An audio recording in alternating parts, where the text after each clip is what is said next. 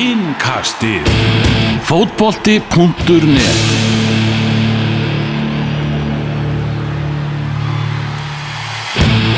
Elva G. Magnússon og Daniel Geir Moretz með ykkur í engastinu 21. februar. Þú ert uh, Eurovision sérfæðingur, Daniel. Já, ég get nú alveg tekið undir það Þú er búin að reyna að koma að lægi núna lengi. Nei, ég hef aldrei reynd það En ég hérna, ætlaði einhvern tímann að reyna það Ég Já. skal bara ofinbera það hér með. Sinni tekið þátt í lagakeppni á ve- vefum Rúf sko. Og vann í bæði skiptin. Það var jólakeppni. að á jólakeppni Þetta sko. hérstu jólatónleikar sem við erum búin að tala um í já, Allt og mikið. En hvað er, þú veist, að, ég ætla ekki að segja, ég ætla ekki að spyrja þig sko hvað er besta lægi núna í undakeppninni. já. Heldur alltaf ég að spyrja þig hvaða lag er líklegast til að ná árangri ég veit ekki svona hvað, hvað, hvað þessi keppni fyrir fram. Í kennugarði, fyrir ekki allt fram í kennugarði það Jú, jú, jú, allt í kænugarði sko. En hvar fer þetta aftur fram? ég veit það ekki. Nei, ég man það ekki heldur. Ég veit að úslitaleikum Jú, þetta er í Portugal maður. Í Jú, Portúgal. jú, Já, það var þarna Gaurinn þarna sem var með puttana í andlitunum að vera að syngja þarna krúta Herðu, hérna, sko. Ég veit samt að úslitaleikum meistardeldarinnar fyrir fram í Portugal nei, fyrir fram í kennugarði ekki, fyrir hann fyrir ekki fram í Portugal Já, HM er í Rúslandi Hámir Rúslandi og Eurovision er í Portugal já, Sko, það var- náttúrulega mjög sérstakt eftir kvöldi síðast að hérna salurinn var bara dagur, dagur, dagur. Hann veginn, hann átti kvöldi sko. Og hérna er, er, myndi ég segja svona sterkasti flytjandinn hann fór á fram að hann flög áfram sko. já, já.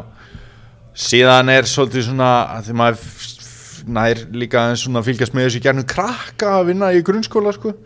þau eru svolítið á svona golddigger vagninum sko. Aron Hannes eitthvað já, og svo er áttan hún er, hún er vinsæl hún er vinsæl sko, og hérna ekki að nefnir tilvílun nei. þetta er bara gríðarlega flottur hópur Mhm. Og svo er þarna rosalegt vælkart sem að er Kust og Fæjó já, með heimilistónum sem eru leikonundar sem eru leikonundar sko. Ólafía Hrönn og. Það er hérna gætu fengið sem sagt, fólki sem þarf ekki að byggja um leifi til að fá að kjósa til að kjósa. Þannig að þetta er mjög snúið sko. ég, En, en ég var að spyrja skilur hvaða lag er líklegast ná árangri Úti? í kænugarði já, sem er í Portugal sem er í Portugal.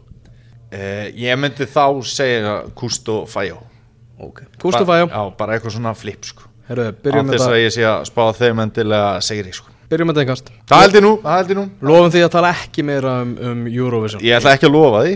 Ég ætla að lofa því. Ok. Herru, förum í meistardildina, förum í þannig leik Sevilla Manchester United sem að framfór í kvöld Já. á, á Spáni. Mm -hmm.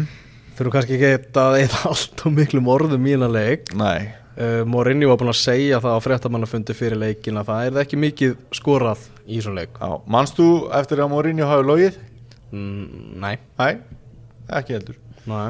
Og hann lög ekki þessu heldur. Nei, 0-0 endaði þetta sem eru náttúrulega þau öllir á botni góð flott úslit fyrir United. Þeir eru Já. bara leika á Old Trafford á móti Sevilla, Já. bara úslitaleik Já, og svo má náttúrulega líka segja út af þessari reglu sem við viljum fá í burt sem er þessu útivalla steipa Já, að þetta er ekki afleitt úslit fyrir Sevilla. Nei. Segja ef að þeir negla inn einu þá þarf United að skora tvö. Og við sáum það alveg í kvöld að þeir geta alveg varist. Þannig að þetta er svolítið svona opið einvíi ólíkt kannski einhverjum einvíum sem við höfum eftir að fara yfir. En þetta Sevilla var náttúrulega með Liverpool í reyðli í, í keppninni Já. og báðir þeir leikir enduðu með jafntefli. Já. og það eitt segir náttúrulega að þetta Sevilla lið er, er alls ekkit galið. Nei, nei, nei, nei og, og það var ekki fyrir tilstilli e, snildar hjá útileikmönnum Manchester United að þessi leikur fór jafntefli. Það var markmaður Manchester United sem að reyði því besti markmaður í heimi. Já, ég held að það sé ekki takt að þessi markvarsla, markvarsla frá honum í, í lok fyrirháleiksins á skallafærinu.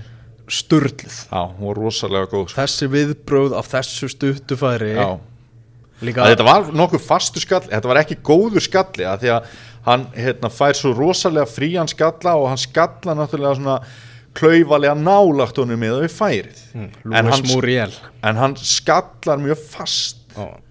og það náttúrulega þetta er náttúrulega bara geggjum markasla og, og hérna, ekkert endilega auðveldara að verja þegar hann er svona nálagt hausnum að þér sko.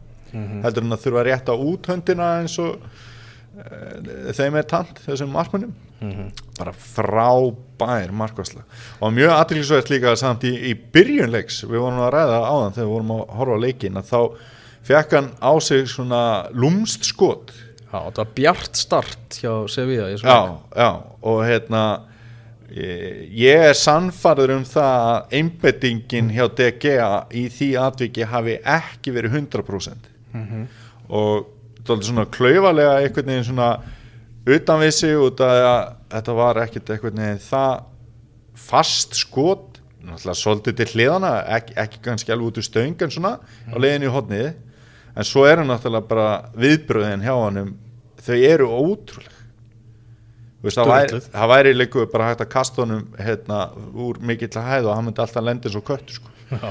Og hérna, hann varði það mjög vel. En það mér komið svona aðeins óvart það var svona virkaði aðeins utan vissi en leisti það náttúrulega bara mjög vel. En Um, mér fannst einhvern veginn svona spila mennska United og hraði í sóknarleiknum var á undanhaldi og þetta var svona bara lélegu leikur í raun og veru hjá United. Mm. en mér fannst það. Já, sko fólk verið svolítið verið að gleyma því að þegar Sör Alex Ferguson einn allra besti knaspindustjóri sögunar var með Manchester United þá spilaði hann oft á tíðum neikvætt á útivöllum í Evrópikjarni já, já, já. ekki spurning. Og með góðum árangri. og með góðum árangri, tók þess að keppni tvisvar og... Já, já, einhvern veginn svona eftir að tíman, tíminn hefur liðið þá er eins og svona fólk haldi það að hann hafi bara verið með flugaldarsýningar já, sko. já, já, um Þú veist, það, það er ekki þannig. Nei. Í vissum leikjum þá spilaði hann negatíft Já, en náði bara árangri og fór áfram. Já, já, og Mourinho er náttúrulega þannig stjóri algjörlega í grunninn. Og hann er búin að setja upp bara fína stöðu fyrir, fyrir United. Það sem að tala mest um í aðdraganda leiksins bara klukkan 18.45 þegar byrjunulegin eru tilkynnt er náttúrulega það að Paul Pogba er á bekknum. Mhm og það virðist vera eitthvað svona smá stuð í gangi milli Mourinho og Pogba. Mhm og í viðtalinu fyrir leikinu Mourinho spurður, að, spurður út í þetta. Og hann segir þið eru alltaf að spyrja út í göruna sem eru á bekknum. Spyrjum mig frekar út í þú veist McTominay sem er búin að standa sig vel og, og allt það dæmi. Uh, sem að öllum er sama um skilur Já, það já. er ekki fréttapunkturinn. Nei, nei, alls ekki og það er eitthvað í gangi þarna og það sem að Mourinho er að reyna að gera það er eitthvað að stuða Pogba í almennlegt gang. Frá því að hann gekk í raðin Manchester United aftur frá Juventus þá er hann búin að eiga nokkra sturla góða leiki.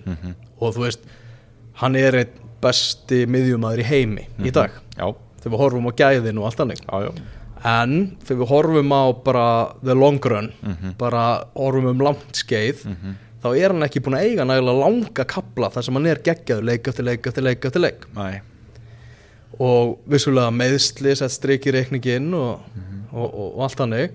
En það þarf að koma Pogba betur í gang. Já, og það hefur gert með eins og við höfum rættið þessu innkasti aftur og aftur með, með hinn og þessa leikmenn að, Mourinho hefur farið í tímabundna fílu út í þá eða sem virðist eins og að sé eitthvað styrt á milli þeirra Já, og fjölmjöla blása upp. Svo þegar menn bæta sig já, þá fá þeir já. og það er hansi stórt hjá Mourinho að taka slægin við Paul Pogba já. sem náttúrulega fengið aftur til Manchester United til þess að vera treyjusölu kall og, og aðar stjarnan getum við ekki sagt að þetta sé einhver stærstu félagaskipti bara fótballtasögunar þegar hann kemur aftur til United Jú, út frá svona kynningamálum og, og bara öðru þetta þetta Pogback og allt þetta Er þetta ekki eini kallin sem er ennþá með búin að fá og- emoji já. Þannig að þetta er náttúrulega markaðslega séð bara reisastórt Já, sko.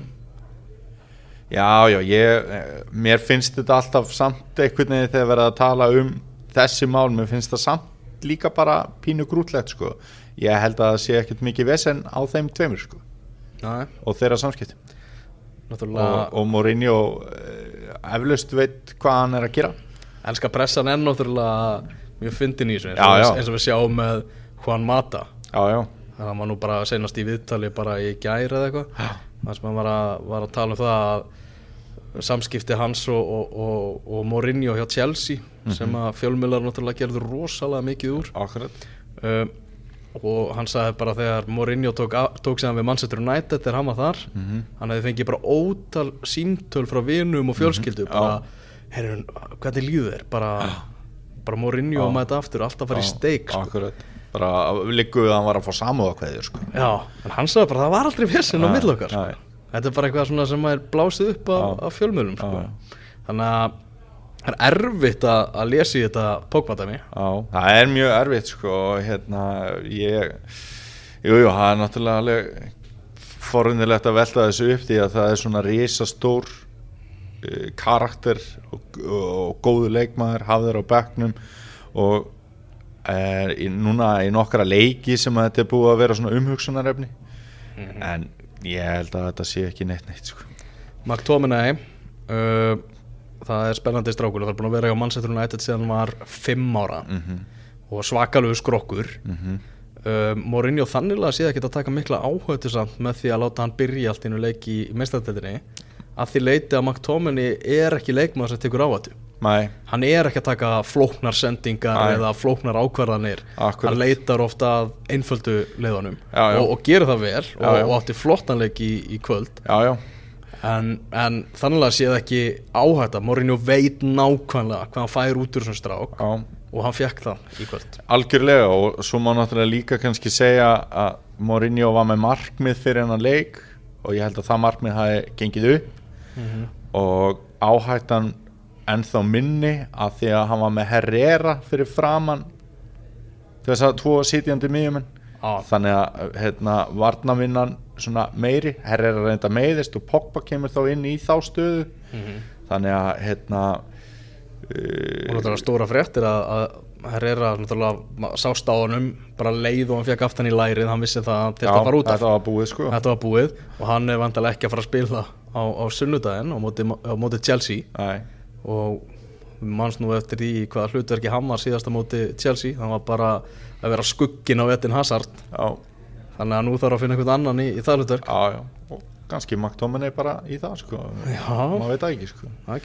En mér samt, mér aðeins að koma inn á það sem við varst að tala um áðan að hérna Mourinho væri þannig stjóri í grunninn svona þessi, þessi varnargæi og allt það sko.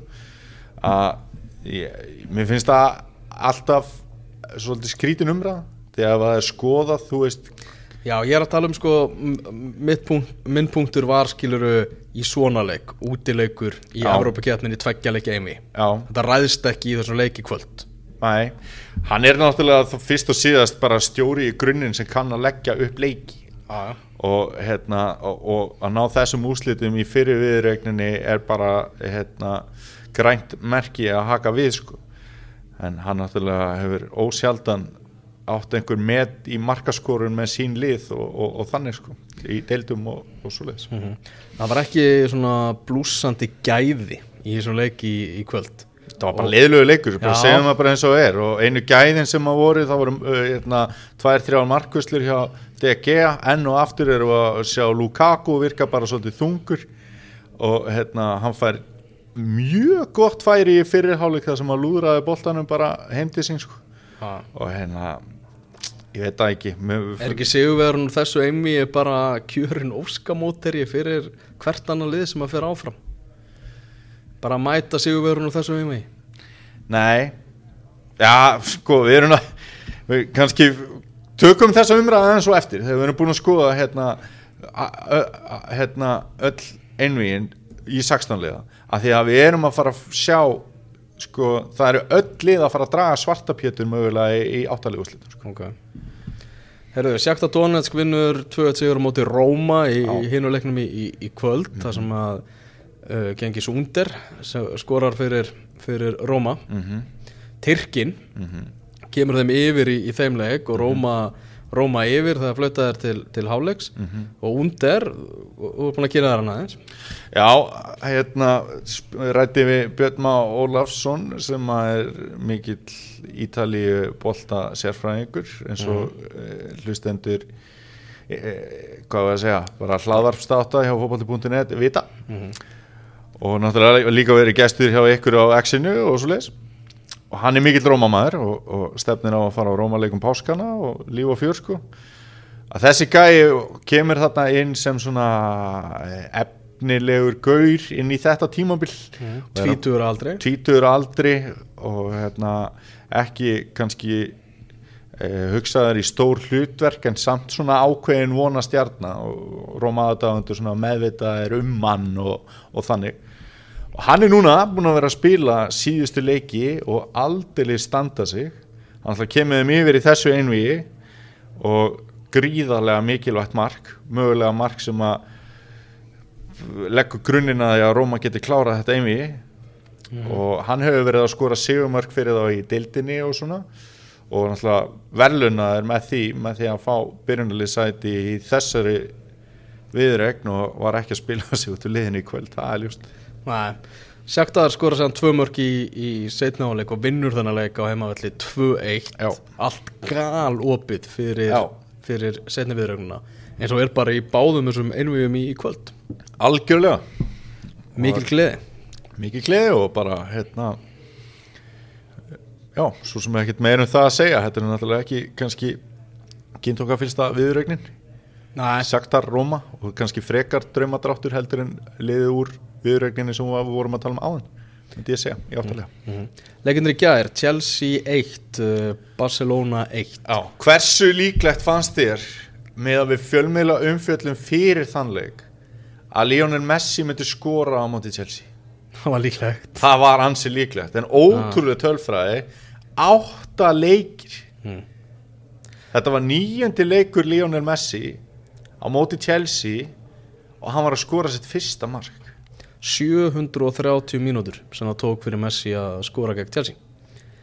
Að það er örgulega bara ekkert lið í heiminu sem hefum að státa þessum árangri sem hefur mætt hann svona oft. Mm Þetta markja hjá Messi Þetta er náttúrulega silfurfatið frá Chelsea. Já, þetta var, sko, Chelsea komu svolítið óvart með uppstillingu sína, þeir spiluðu ekki með framherja, eða, eða svona nýju, og Morata hefur náttúrulega verið að koma úr meðslunum, en maður held að hann myndi byrja hann að leik, og svo eru þau með Sirú, sem hefur kannski líka ekki verið í sína besta leikformi, en með að við hvernig Chelsea hefur oft, ég var um þetta spá í það fyrir þennan leik, þetta er rosalega létt Chelsea-lið mm. ef maður spáir í það bara hvernig Chelsea-liðin hafa verið í gegnum tíðina menna hann er alveg svona nokkuð þungt pundið í Lampard þú veist, hann gæti alveg hérna, farið í í öxli og staðið það af sér og svona. Og svo bara með á miðjumennina sem að hafa verið þarna John Obi Mikkel náttúrulega var valinn í byrjunarliði sama hvaða stjóri kom þarna og svo erum við Didi að droppa upp á topp og svo Diego Costa og svo Terry og Cahill í vördinni og, og fleiri svona jaksla núna í leiknum í gær þá var var þrý, þrýr hafsendar Anders Kristensen hérna, við höfum að tala um hana aðeins á þetta hann í hjartanu ekki, ekki neitt svakalegu tutti en samt svona nokkuð mikill skrokkur. Við getum ekki sagt að hann sé eh, svona léttuleikmaður, það er alveg þungt í honum pundið og svo er Rudiger sem er náttúrulega skrokkur. Og svo er þriðji hafsendin er Aspilur Kveta sem að er að upplægi bakurður og alls ekki eitthvað kjöt. Punktur. Engin skrokkur í Chelsea-liðin svo er þetta N'Golo Kante sem getur hlaupið allavega uppi og, og Fabregas og Viljan og, og veist, þetta er dálítið öðri sig það er komið einhvern veginn allt öðri sig svona holning á Chelsea heldur en við hefum séð kannski áður.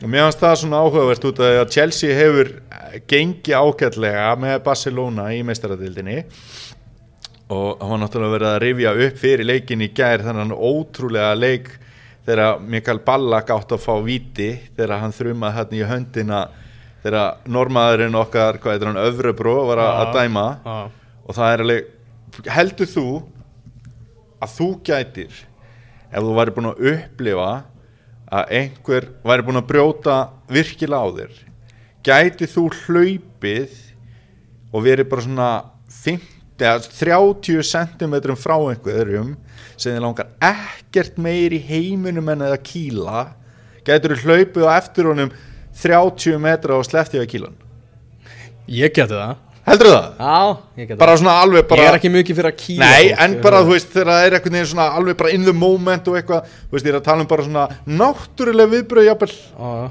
En Ballack gerði það bara í þessum leik sko. það er ótrúlegt að hann hafi náð auðvitað er ég ekki að tala fyrir því að það hafi réttlætalegt að hann hafi gert það. Já, Við erum að tala um leik frá, frá 2009 Já, sem er náttúrulega bara- all, allir þeir sem að sáu þennan leik Já. munum bara aldrei gleyma honum. Aldrei sko. Nei, því að þarna var, þetta er einn erfiðasti leikur að dæma sem ég hef bara hort á Já. á æfinni Já, og hann reði enga megin við það. Nei, hann var í miklu og hætti hann ekki að dæma eftir þetta og hann var að fá morðhótanir og alls konar vesen? Jú, þetta var þannig að hann þurfti að fara bara út af hótelinu sem þeir fyrst stimpluðu sér inn á í leiknum. Bara flytja á annað hótel sem var bara ekkert gefið upp sko, bara leynilegt uh, og fengu sér lögreglu fyllt úr landi bara dómararnir Nor Norðmaðurinn Öfribó þessi, þessi ágætti maður og segi kannski sitt að, að spænski fjölmiðla voru að leita til hans í uppbytunum fyrir leiki núna. Rifja þessi aðtöku upp. Já, já, því að það var hérna allt á suðu punkti í þessu. Mm -hmm. Chelsea gerir fjóru svona tilkall til þess að fá víti. Já, en bara Öfribó dæmdi ekki víti. Æ, og svo skoraði inn í hérna mark í lokin sem já tri- drýma markmann Já, sem tri- frábært mark sem triði Barcelona áfram á, á útivallamörkum já, um, Vil aðeins tala um Iniesta. Mm, Mér finnst það frábær í þessum leik já, í já, uh, Hann voru 33 ára. Hann er náttúrulega ekki sami leikmaður og, og hann var. Nei, Var náttúrulega bara svona tortímandi. Uh, Núna veist, er svona fyrir minna fyrir honum.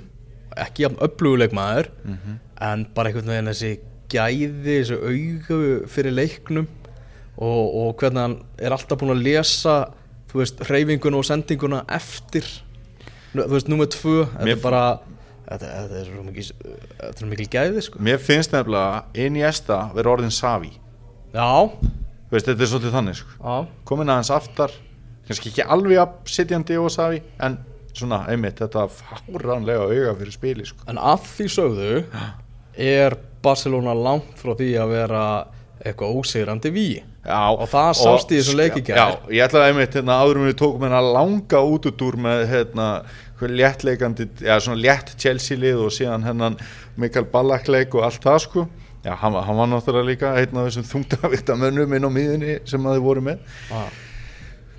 Chelsea voru miklu betri í leiknum í gær eða allavega miklu nærði að skora fleiri mörkældur en eitt. Og Viljan átti þarna tvö stangaskot og sérstaklega í fyrra skotinu var hann fáránlega óheppin og skora ekki. Setna hann alltaf, jú, vissulega óheppin en það var ekki alveg jafn mikil óheppni. Og Konti laði hennar leik hárréttu upp, það var alltaf ganga upp. Þeir pressuðu mjög mikið og þetta er bara svona mættu tilbúinu til leiks.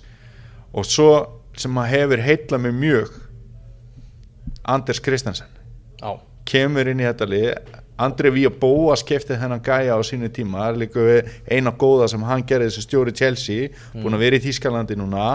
Og, og kemur og á bara að vera núna aðalkallin í vördinni hjá Chelsea. Og veist, bara David Lewis er bara á bekknum og þessi gæja er þarna. Og hann var mjög góður í þessu leik. Mjög góður og svo kemur hann með þessa ræpu sendingu sko. þversendingu í vörðinni þvers, já þetta var veist, það var skrítin sending þetta var já og líka að að það er eiginlega bara rétt að að segja sko sending veist þetta var ekki lúður að reynsa sko. Nei. þetta var, hann var einhvern veginn svona með einhvern svona fáránlega sendingatilraun í svæði undir pressu þvert á ögur stundu og hvað tók margar sekundur frá því að hann spyndi boltana þá til að hann horfði á hann í netinu? Menna, ég sá Sjö. sást ekki endursinninguna viðbröðin hjá Konti hann sá bara eða leið og þessi sending kom og hugsaði hann bara, er okkur verður refsað. Ein mistök og þeim var refsað.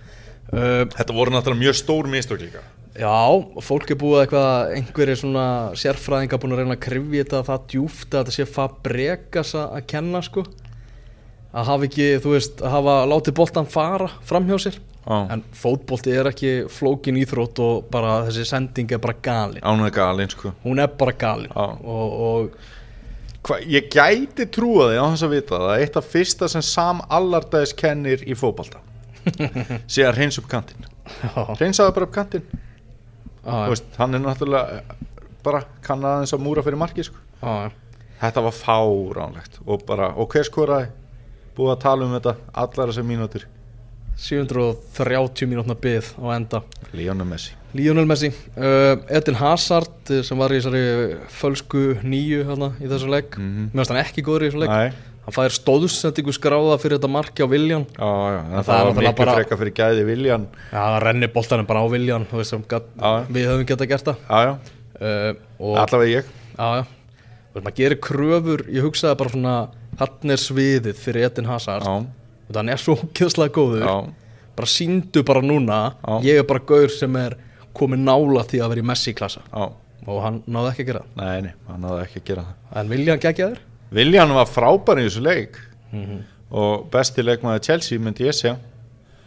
Og ógeðslega svekkjandi bara fyrir Chelsea að fá á sig þetta marka Barcelona fyrir áfram úr sem við Er það ekki? og Chelsea þarf bara eiga fullkomin leik á nývangi Já, til þess að fara áfram úr þessu enni Barcelona nær útivallamarki og, og öllum bakkanum. Já En ég meina manst þegar hérna, Ramírez skoraði vippumarkið á Brunni og, og hérna, Nei, á Núkamp segi ég. Og- útilokum ekki Þannig að allt getur gest Bayern München 5-0 á móti Besiktas í Já. Við förum, förum næst í, í þannleik. Mm Mhm. uh, Thomas Müller og Lewandowski með tvö mörg hvor. Uh, maður leiksins Joshua Kimmich. Hinn æðislegi leikmaður. Þetta er bara svona draumur hvers þjálfara Mhm. að hafa svona gaur í bara sama hvað segir hann að gera. Hann bara já ok, ég skal gera það. Mhm. og og hann gerir eða betur heldur um bjóstið sko. það er svolítið þannig.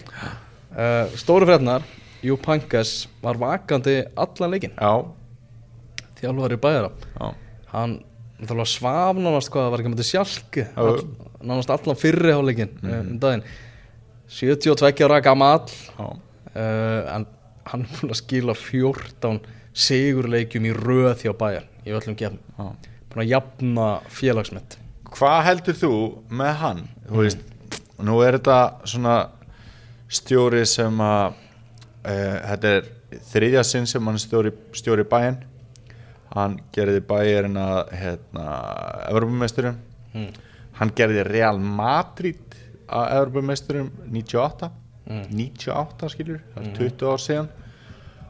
Og núna kemur hann inn sem svona veist, þetta er þetta er daldið svona goose hitting ráðning til Chelsea skilur. Þetta er einhvern veginn svona uh, tímabili fór ekki eins og menn vonuðist til og stjóri var látin fara og hann kemur svolítið svona til þess að allir séu hessi bara og, og, og höfum gaman að því að spila fótbolta. Hvort heldur þú að hann ve- verði bara svona tiltektarkall eða stjóri bæmi á næsta tímabili? Til þetta kall A, bara alltaf? Alveg klálega. Á, á hverju gæti hann ekki bara verið stjóri bæmi á næsta tímabili? Það er kannski möguleiki á því. Já ég menna Nei, ég veist, af hverju finnst þér eins og hann sé bara hann sem tiltektarkall bara út hann kemur bara til að vera til þetta kall Já, árangurinn eins og hann er hann er núna 72 ára gamall. Hann er reynda 72 ára gaman já, hann er ekki bæmurinn var ekki bara heyrðu Og ráðum hann var bara, og hann um verður- daginn í bara leik og eitthvað. Já, já. Þú veist, og- algjör meistari og, og nær út úr liðinu hinn og þessu og greinlega gott samstarf við, við stjórnendur og, Já, já. og allt slíkt sko. dáður, Hann er dáður þarna skilur en þeir eru ekkit að hugsa hann sem framtíðar músík sko. Nú, það er bara að það er ekki séns Nei, nei það er ekki nei en, en ég meina getur bæjarmönjan orðið sigurveri í mestardelt Evrópu svekkjandi það er svekkjandi fyrir svona Guardiola bara fljótlega eftir að hann er farinn að þá bara kemur Jú Pankas bara sofand á bekknum og, og tekur þetta sko. Já, og náttúrulega Carlo Ancelotti líka sem að þekki þessa keppni nú betur en margir. Að hérna, ef að hængi sem skildi síðan að klára þetta bara. Já. En skemmtilegast að sagan með bænum hérna á þessu tímabili er James Rodríguez. Já, Þrátt fyrir að hann hafi, hann var náttúrulega ekkert veist, hann var ekki stjarnar leiksins í gær. Nei, En hann er búin að vera eitt besti leikmaður búndeslíkurnar á, á þessu tímabili. Mm. og er náttúrulega bara sturla hjá Bayern að ná í þennan kolumbíumann bara á láni frá Real Madrid. Já, tveggja ára lána það ekki? Jú, en skæðrasta stjarnar HM 2014 með Kolumbíu á margra mati hefði hann átt að vera valinn besti maður HM 2014 Já, en uh, Messi bara tók það vegna þess að hann er Messi. Já, uh, nú er HM á, í, Rúslandi á næsta leiti og hann er í sínu besta gýr hann Hames, mm getur orðið bara stjarnar á HM uh, tvö skipti í röð. Það er möguleika því.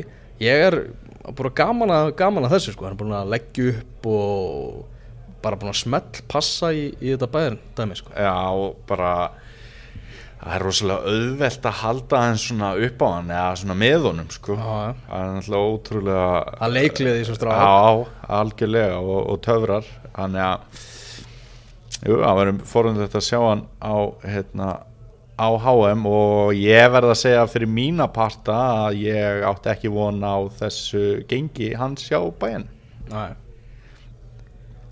Helst þú að hann myndi blómstra eða? Já, ég gæti alveg trúa því sko. Já. fara einhvern veginn úr veist, burtu frá þessum skugga Cristiano Ronaldo. Já, það sem að svona hann fengi aðeins aftur einhvern veginn svona feska vinda. Já. Já, ég, ég, Ég held að þetta væri bara svona aðeins meira one hit wonder. Já, en hann, hann, hann er það kannski pínu ennþá en ef þetta heldur áfram svona á þessu tímabili að þá náttúrulega á hann fleiri góðlög já, já. En náttúrulega má ekki glemma því líka að, að eh, svona, jú, 5-0 sigur hjá, hjá Bayern en náttúrulega besiktas minna missa manna velli eftir 16 mínútna leik. Já, það er hérna óþekki strákurinn Kroatin Víta. Mm sem að er ekki uppáldi hjá okkur Íslandingum það eru fáir króatar sem eru í uppáldi á okkur Já. Íslandingum en, En hérna þetta að því að nú var náttúrulega reglunum breytt ef hann hefði sagt tekið manni niður inn í teig mm þá hefði hann ekki verið reikin út af. -hmm. en hann fær aukt spjald að því þetta er fyrir utan teig. Já, að því að ef þetta hefði verið inn í teig þá hefði hann fengið guld og bæjan hefði fengið víti. Þú veist það var náttúrulega tekin út þessi svona þrefaldar refsing. Þannig ef að fólk var að velta þessu eitthvað fyrir sér sko. En hérna eh, myndir þú segja að Hummels var í besti miðvöru heims wow Nei, ég myndi ekki segja Na, hver er betri? Ég ætla á þess að hafa hugsað bara Hver er besti miður heims? Uh, ég mér finnst hann ekki vera besti miðvörun í bæinn Ok, Bóa Teng, eða hann heilla mér meira sko já, En það er hérna, búið að mikill meðbyr með Hummels og, og hérna, mér skilst að en hver er besti miður heims? besti miður heims. Ó maður. Ramos Hann kom fyrst upp í hugan. Já Ég meina að þetta er bara Ramos er, er, hefur svo mikið sko Hann er ekki bara geggjaður miðvörður Hann er líka Það er mörk í honum. Hann er mörk í honum, hann er drífandi, hann er sigurvegari Mm Já, já. Já. Nei, nei, bara svona smá eitthvað vanga veldur. Það var nefnilega bara áhugavert ef einhver myndi senda á okkur bara hverju þið finnst þeirra bestir. Já. En ég held að Þóri Hákonason sé mikill Hummelsmaður. Já Eitthvað haft viður að því. Allt sem er, er bæjantengt, hann er ánægða með það. Já, já. Herru, fyrir maður yfir hérna leikina sem voru í, í síðustu viki mestæðinni Juventus Tottenham 2-2 Já, uh, Lágeðslega skemmtilegu leikur. Geggjaður leikur sko. Það sem maður held fyrst bara að Juventus var að fara að slátra þeim. Já, En síðan fór bara Juventus allt í handbremsu og, og Tottenham bara sagði halló, við- meistaradeildin er okkar. Já mér fannst uh, mér fannst meira gerast í þessu leik að Tottenham ákveðu að hætta að vera svona stressaðir Já. Frekar heldur en að En það er rosalega vel gert þeim að gera það bara í miðjum leik. það er í alvöru talað. Þá veist það var bara eins og hérna, þeir hefði farið bara í, í, á Dale Carnegie námski eftir að Higuain klúraði vítinu sko. Og bara allt annað lið. Það var umurlegt að sjá hvernig þau komu inn í leikin svo það sé bara sagt skítrættir og stressaðir hittu valla bara, vildu valla vera með boltan og bara horfðu hver á annan. Þetta var mjög skrítið sko. Og, og hérna Juventus náttúrulega gekk bara á lægið og, og voru óhefnir að komast ekki í 3-0 og það var svolítið fyndið að fylgjast með Twitter líka að hérna, Positino hefur náttúrulega mjög oft verið svona orðaðar við United einhver tíman þú veist að hann gæti kannski komið eftir fimm ár til United eða whatever skilur það var gert mjög góða hluti í ennska boltanum bæði hjá Southampton og Tottenham. Og þá var einhvern veginn svona vonandi, þú veist í stöðinu 2-0 fyrir Juventus bara vonandi hætti núna þetta Positino rugl til United. Og veist einhverju þarna sem að vilja ekkert fá hann og eitthvað svo bara herri kallið minn þessi leikur endaði 2-2 sko Ó. og Positino hann bara, hann var ekki honum að kenna hvernig þetta fór að stað myndi ég segja að því að það sem að hann leggur upp með sástálfið þegar menn fóru svona aðeins að jafna sig sko Mhm. og frábær úrslit hjá tóttina setna markið hjá tóttina sem Eriksson skorar úr hérna, aukaspinninni Mm. var mjög vond mark fyrir Gianluigi Buffon. Já. og hann var líka bara vondur í þessum leik. Og svona sást að hann væri gamall. Já, það er svona einmitt. Já, mikill meistari og ekkert einna út á hann að setja en aldurinn færist yfir alla.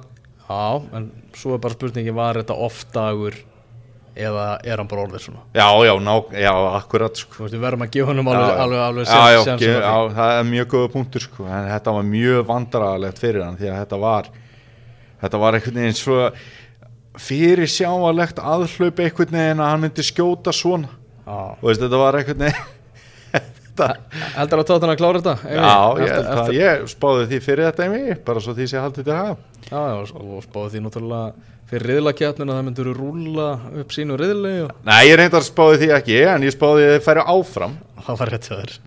Ha, og það var rétt af mér, annað en þér. Já, ég hafði meiri trú á Dortmund en þetta. En bara, ég myndi segja að þetta kannski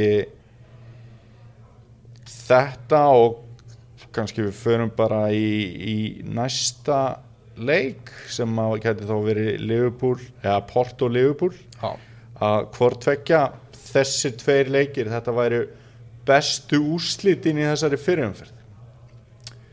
Það er að segja fyrir tóttina að ná 2-2 þarna e, á Ítalíu og Liverpool að ná þessari 5-0 veistlu þú ert að gleyma að Manchester City vann sko Basel í Sviss 4-0 nei, í Sviss. Nei að því að mér finnst fyrirfram var viðreg Porto og Liverpool svona með þetta jafnara hérna, já, já jafnara einvíi heldur nokkuð tíman hjá City sko. ok, þannig að náttúrulega frábær sigur hjá City og allt það sko en en Liverpool voru geggjaðir í Portugal þeir voru svo geggjaðir og, og það eru stærri úrslit finnst mér að, að Tottenham náðu að gera jafntefli á útvellum móti Juventus heldur en að Manchester City rúli við Basel Liverpool 21. februar 2018 það er að segja í dag mm gegn Liverpool í fyrsta leik tímabilsins núna. -hmm. er ekki bara Liverpool miklu betra leið Jú, Coutinho ekki til staðar. Næ, en við erum með Virgil van Dijk. Já, uh, Karius búin að fá núna nokkra leiki í já. Búin að þakka tröstið Já. búin að vera örugur Já Hann er allavega að standa sig sko. Örugur er svolítið stórt orð en það er hérna- kannski ekki að setja setja ránun eitthvað mjög hátt þegar Nei, kemur að þessum málum hjá Liverpool. En hann hefur staðið sína plikt. Þú veist, það er algjörlega hægt að segja það Og hérna uh, að mínum að þið er Liverpool líklegast að liði til að enda í öðru sæti en skúrvasteldarinn staðan er í dag. Já, ég er ekki horfur, horfur á holninguna einhvern ég, Nei, nei, ég mannstur United verður í öðru sæti held ég alveg öruglega ok, En hérna Það Liverpool er náttúrulega bara komið í áttalegu úrslitin Og Það verður ekkert grín að mæta Liverpool í áttalegu úrslitum í mestaradildinni ef þú værir bara bara eldheitur Liverpool stuðnismæður og væri búin að kaupa miða á setnileiki sem ég veit að fjölmargir Íslandingar eru búin að gera Já. það verður fullt af Íslandingum á setnileik Liverpool og Porto. Já, uh, hefur orðið svona smá svektur yfir úslitunum úr fyrirleik því þú ert basically að fara á æfingarleik þú veist, er komið áfram úr þessu einvíi þú ert að fara að mæta á leik í meistaradeildinni sem er bara svona formsatrið að klára, þú mætir kaupiði pulsu fyrir leik og ert með strákunum og allt voðalega hrest en leikurinn sjálfur verður ekkert upplifun. Jú, jú, auðvitað er meistaradildar kvöld á Anfield geggju upplifun sko. og hérna sko þetta þyrfti eiginlega að vera veist, þá ætla ég svona að taka bara svona Liverpool aðeins eh, setja það innan svega sko þetta myndi náttúrulega ráðast að í hversu geðveikur stuðningsmaður maður væri þú ert ekki að fara á sagt Nei, alls ekki og, og hérna það er náttúrulega miklu minna undir heldur en þegar þú kefti miðan og allt það sko Já. sem að rennir aðeins stóðum undir það sem ég var að tala um áðan með úrslitin sko Ég er alls ekki að segja að þetta veri leiðilegt Nei, Sko, fólk ég veit bara- það, ég veit Fólk það. er bara hægt að fara sko. ég veit það en þú veist 1-0 tap hjá Liverpool í setnileiknum og þessi svona allan leið stuðningsmaður Liverpool eða bara einhvers liðs hann er samt bara ánaður bara yes við erum konir áfram sko. Þú veist, en skringilega á það að hljóma sko. Já. en fyrir Íslending sem að er að kaupa sér miða til þess að fara og ekki síður á einhverja upplifun þú þekkir það sjálfur þú myndir frekar held ég vilja fara á leik á þínu liði og sjá okkur geðbilaðan leik sem myndi enda með jafntefli eða jafnvel tapi sem upplifunin á leiknum Mm. Já, já. heldur en að fara á eh, Fá flautumark sem að tryggja Leopold áfram skilur við Já, ég, ég veist, eða fara á bara eitthvað dauðan og skriðbeltunum og, og, og þittlið vann úr víti eða eitthvað, Já, veist þannig að maður myndi freka taka tapið eða jafntefli í geggjum leik þannig að já, ég held að ég persónulega, ég, maður er því að pínu spældur því að það er búið að taka af upplifuninni og sumir hafa svona sett spurningamerki við fyrirkomu laga meistaradeildarinnar að svona úrslit geti átt sér stað á þessu leveli í keppninni já en Við erum að tala um, þú veist, í 16 úrslitum eftir fyrrileikin þá verum með tvo leiki sem enda 5-0 og eitt sem enda 4-0 Já. sem er eiginlega bara sem er bara skrítið sko Já, og tveir af þessum leikjum eru útileikir, nota Já. benni. Real, En hérna bara ekkert tekið að Liverpool og James Milner, þú varst að tala um James Rodríguez að hann. James Milner er bara stottara kongurinn so far. Það er lang óvæntasta tölfræðin í meistaradeildinni þetta árið. Real Madrid vann PSG 3-1 Já, uh, PSG það er náttúrulega risa úslit líka. risa úslit algjörlega og bara Ronaldo heldur áfram. Bara hann bara ákvað þennan veturinn það voru bara meistardeldi mín kefni Mm og hann er búinn að vera störtlaður í þessari kefni uh, þeir vinna þennan leik ótrúlega svekkjandi fyrir auðmingastrákana í, í PSG Mhm. uh, Sem voru að gera sitt besta. sem voru að gera sitt besta. Rabiot með marki fyrir, fyrir PSG og áhugavert viðtalið við hann eftir leikinn sko, sem ég er svona ennþá að melta. Mm.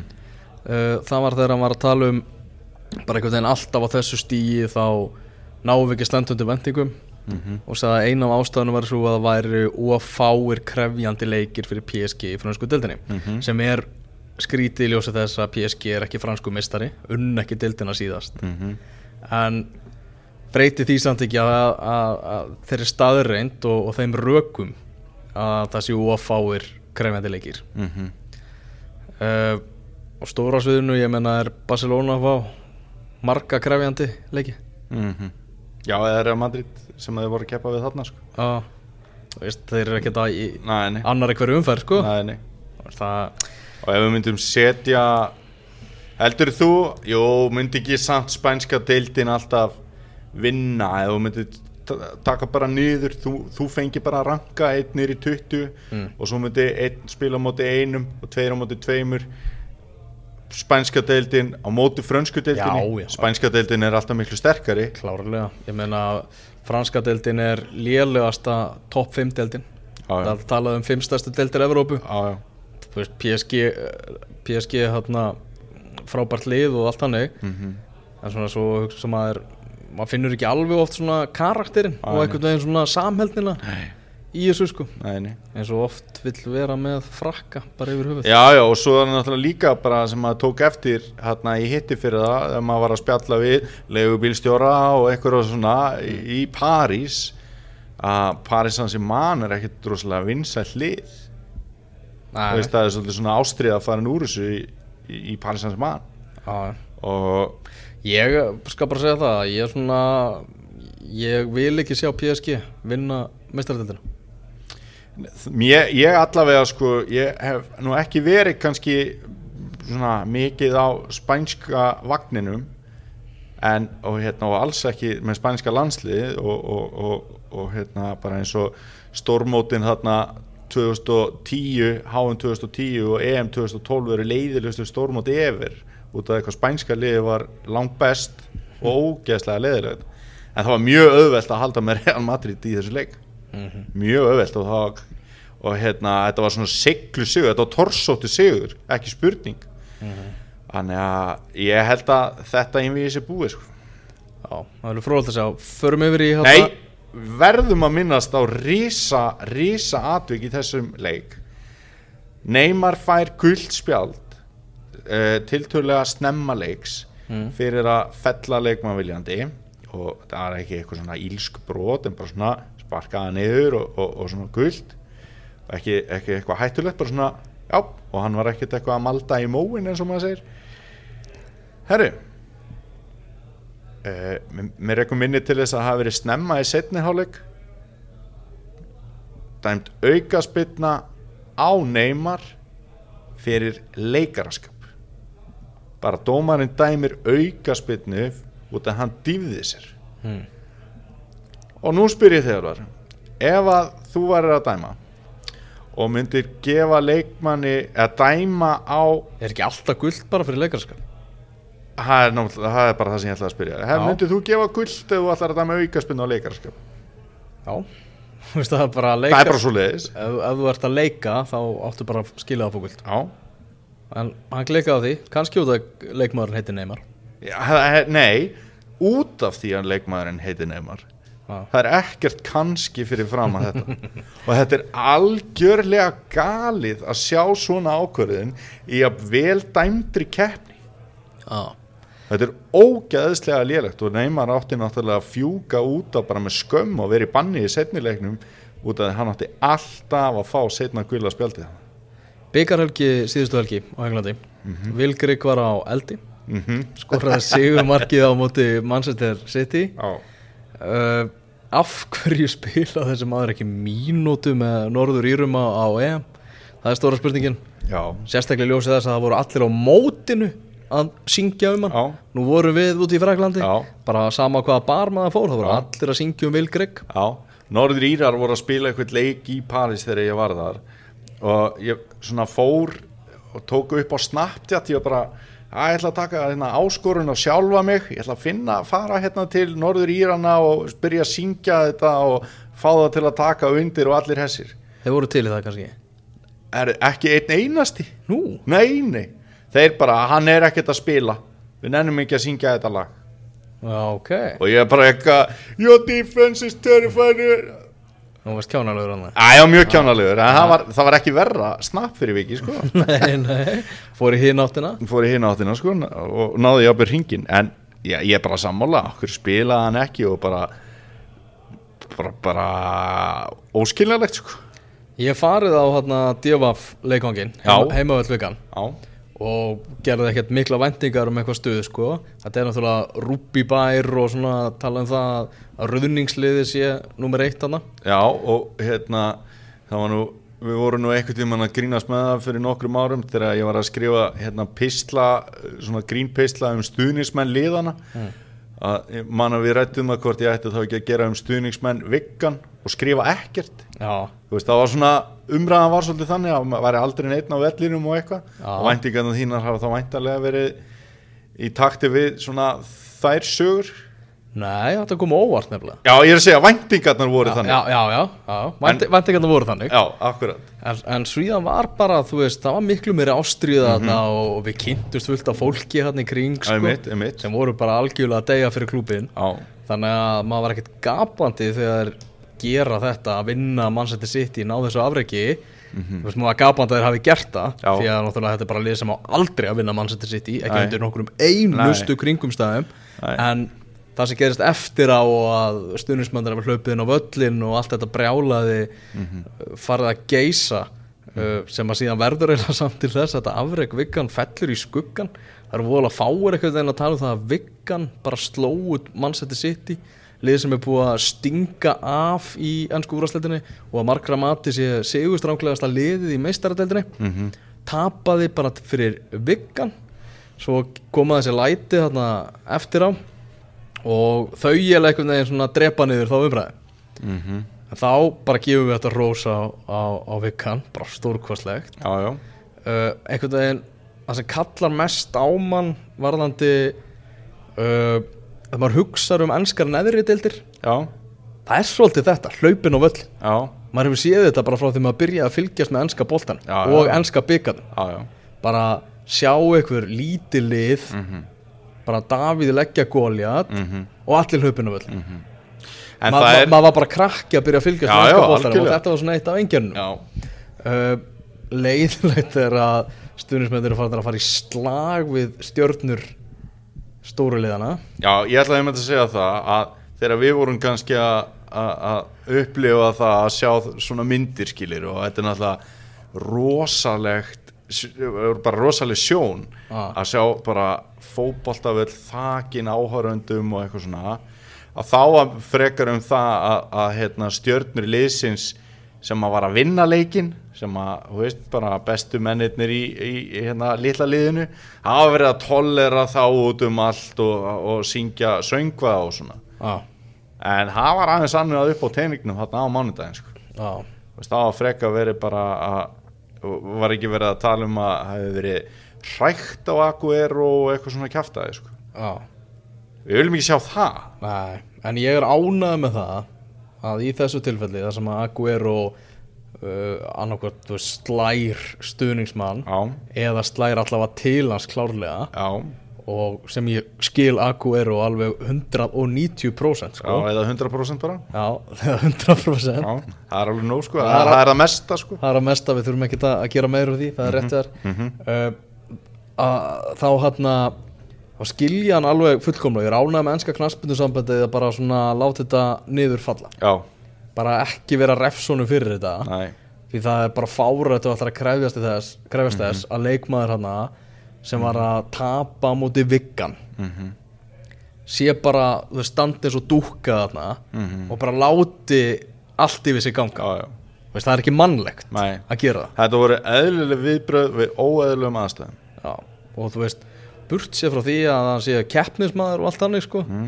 þú þú getur ekki bara slögt á þér í þessum aðstæð Nei, og pæli líka bara í, veist, bara náttúrulega eðli, veist, bara, þú veist, bara svona örygginu er ógnað, skilur. Já. Þú veist, bara svona þetta náttúrulega eðli að þurfa að verja sig eða hvað það má vera, eitthvað ósjálfrátt drasl, skilur. Já, Þannig að, já, ég er sammála, bara aldrei sem vantir í sammála, sko. 100% samanlá 100% sammála, þið sem er, það, sem er það mesta. sem er það mesta, þarf ekki að bæta við þetta var ótrúlega sérstakt hérna, Manchester City stilti alls ekki upp neinu grín liði sko. Nei. Þegar það voru bara fullt af flottum köllumatna og Aguero og Fernandinho og David Silva uh, Laporte og, og, og hérna bara you name it sko, voru mættir hérna Liro Sane var komin í byrjunarliði og þeir ætluðu sér náttúrulega að klára þetta dæmi sko. það var ekki verið að spara liðið eiginlega neitt mm. De Bruyne er á bekknum og hann kemur inn á og spilar fullt af mínútum og Manchester City náttúrulega missir mann út af, Fabian Delf var hann komin í byrjunarliði og, og hann, ég get lofa þér því, hann verður ekki í byrjunarliðinu í næsta leik þannig að hann fekk er undir lók hægt. fyrir hálfleiks. Þannig að og það sem að mér finnst líka sérstakt við þetta er að það eru held ég alveg öruglega fjögur ár frekar en 5 síðan að Viggan vann Manchester City í úrslitum þessara keppni.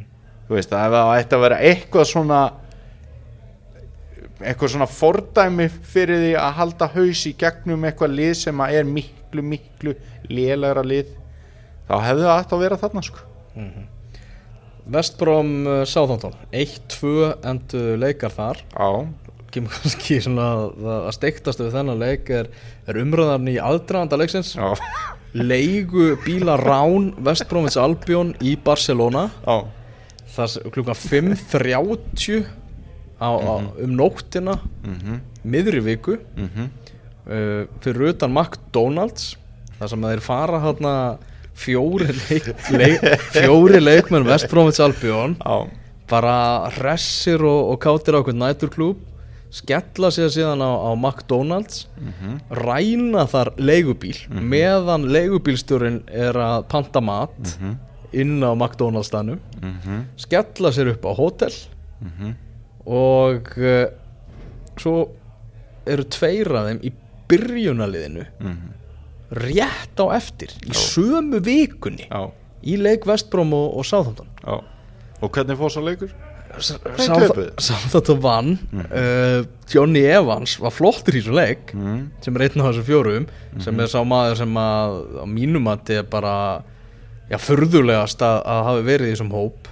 Já, ég fyrirliði Vestbrómas Albjörn sviftur endar bandinu, það var refsingin. Já, hann byrjaði leikinn, hvað í bakverði mhm. en var sviftur fyrirliða bandinu? Ég sitt svona að jöfnu hvað mér finnst skrítið að Gareth Barry hafi verið einn af þessum gaurum sko. já, Þetta er bara Já, já.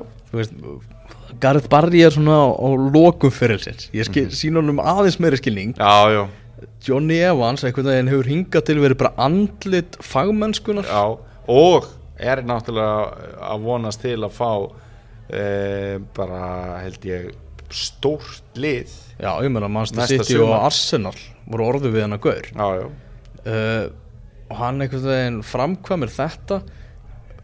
Já.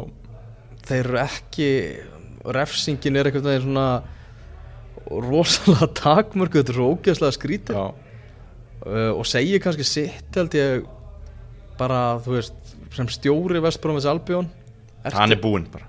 Já, Ég, og ertu ekki að hugsa bara heyrðu, við erum eins og staðinu núna við erum bara að fara að falla úr þessari deild. Mhm. ég má ekki vera að henda þessu gaurum eitthvað í agabann og vera með eitthvað vesen við þurfum bara, að þetta var bara flip sem var svona, liður í neðsta sæti ennsku úrvastildarinnar það eru sjö stig upp í örugt sæti eins og staðinu núna. Það eru 11 leikir eftir. Já, en samt, þú veist, ef hann hefði bara tekið þessa gæja úr liðinu tekið bara hárþurkuna á þá og bara eh, ég veit það ekki, þú veist þeir eru ekki taldið sem eru uppi með því sko. Er það ekki? Er, er, það, er ekki samt aðeins meiri von á að kveikja einhvern ne- neista með svoleiðis hátterni heldur en bara, já, já, þetta var bara flip og svo bara berjast. Já, Ég held það. Já, Ég held að þetta hefur verið verstu niðurst- versta niðurstan já.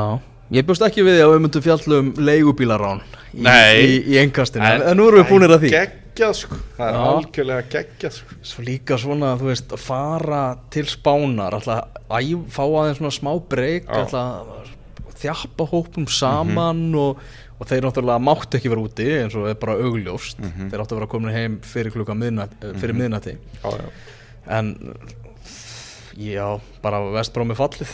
Já, já klárt. Það er klárt.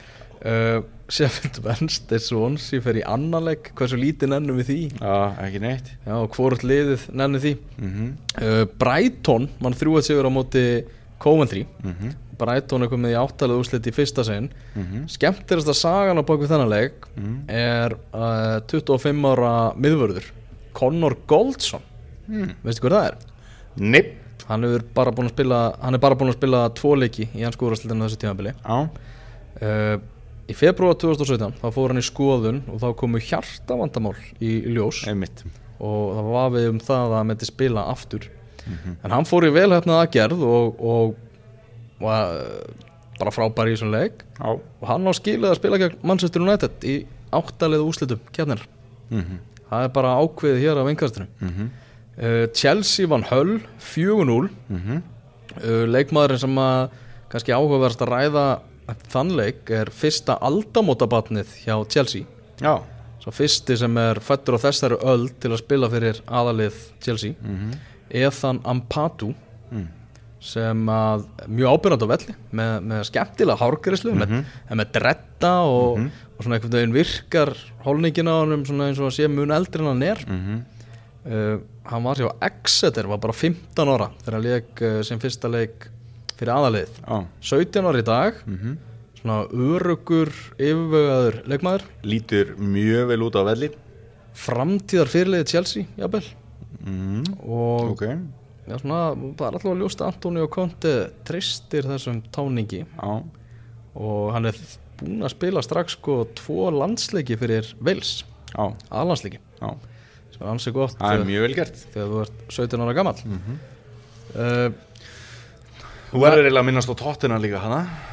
Já Tottenham Rockdale. Já, eða Rockdale tóttina, maður ekki? Jó Aftur kemur svona koma, kemur Davíð og, og heimsækir fær að heimsækja Wembley. Já, byggar romantíkin lifir, má ekki segja það? Rockdale er í neðsta sæti í sétildinni neðsta sæti líkon hvernig getur lið sem að gerir 2-2 jafntefli við Tottenham Já. Verið í neðsta sæti í líkon auðmitt og sama skapi það náttúrulega stilti Tottenham ekki upp sínu sterkasta liði en þeir voru alls ekki með bara eitthvað, grínöfn hérna í byrjunarlinni Tóbi Aldur Væreld kom hérna inn og Danny Rose kemur hérna inn Sissoko kemur hérna inn Lukas Moura kemur hérna inn Son kemur hérna inn.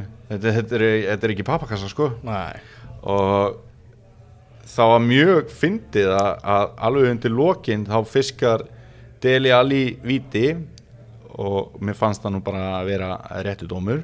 Samt svona sótt.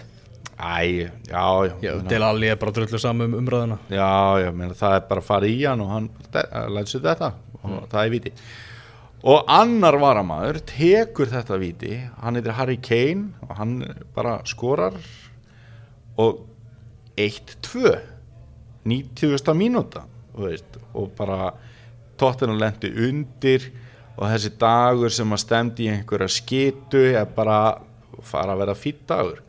Og það er eiginlega ótrúlegt að þetta neðsta lið í einhverju skítadeil komið tilbaka. Og það sem að þetta gefur þeim er náttúrulega að spila á Wembley. Og það eru peningar í og kassan það eru peningar í kassan það verður kannski, ég veit ekki maður veit ekki hvað eftir að seljast á þennan leik en Tottenham er náttúrulega mikið hotspot í fótballtanum í dag. Þannig að ég var að segja, þú veist það verður ekki undir 50 manns hana á Wembley, ég mér finnst það ólíklegt. Já, og það er 50-50 split pot bara á því og, og Rockdale fara hlægandi í bankan já, já, og vera flottir í, í díatildinni lík tú Já, með minnum önnum í já. á, á næsta tímabili. Já. Ég er með að spá hverju verða byggamestrar Ég ætla að dundra henni fram. Lester, vinnu byggarinn já. Lester á Chelsea í hérna, næstu umferð, áttalega úrslutum heimaleik. Já.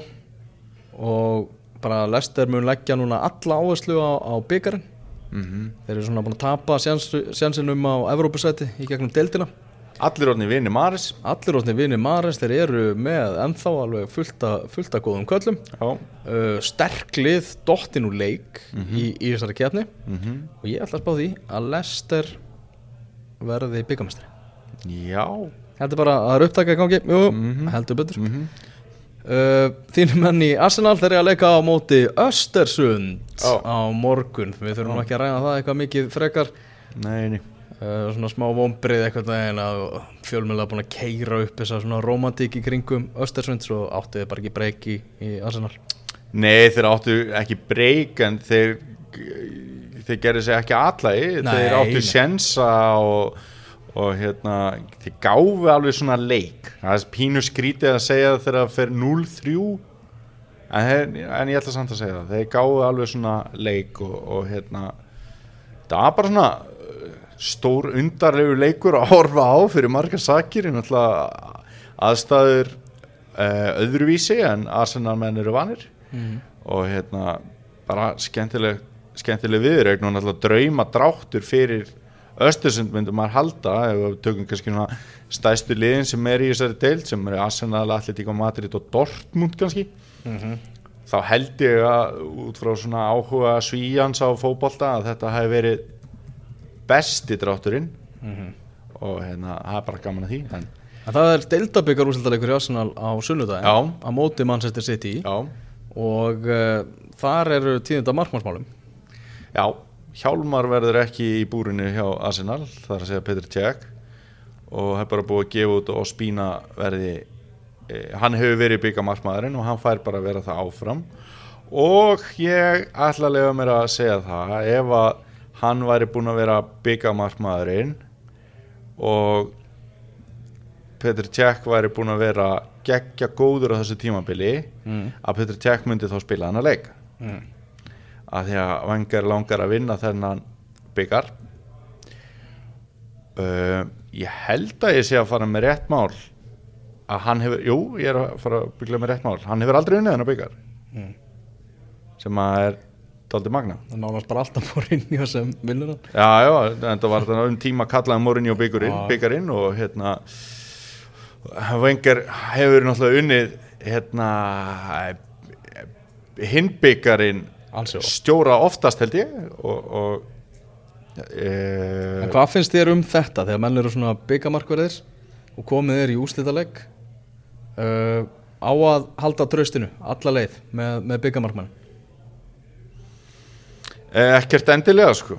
Jú, mér, ge- gerði- mér, mér fannst raung ákvörðun í byggarúrslitaleg 2012 á Íslandi mm, þegar Stjarnan og Káer áttust við í úrslitaleg já, þá var uh, já, Bjarni Jó þjálfari stjörnunar mhm, og hann tefli fram Arnari Dara Pétursinni í byggatum mhm, og er með Ingvar Jónsson. Mhm. Sem þá er hann náttúrulega bara einn allra besti markmaður landsins og já, búin að vera núna í landslýshópnum já einn af þremur alveg margóft undan frá ár. Mhm, og í flestum tilfellum. Hann var bara gemdur á bekknum til dæmis í þessum leik meðan hann treysti Arnari Darra Já. allan tíman akkurat. Stjarnan tapaði þessum leik síðan og, og allt það. Mhm. Eh, já, ég er sammálaðir sko. Og á hinbóin skiluru Peter Jack, Peter Jack er ekki sami Peter Jack og hann var. Nei, það er eins og ég var að segja sko. Já, uh, þannig að mér finnst þetta bara ég held að þetta veiki liðið ekki. Næ Ég- ég held að Ospina sé ekki síðri markmaður en Petr Cech í dag og það er aldrei leiðilegt að þetta séu valkostir Arsenal í markið.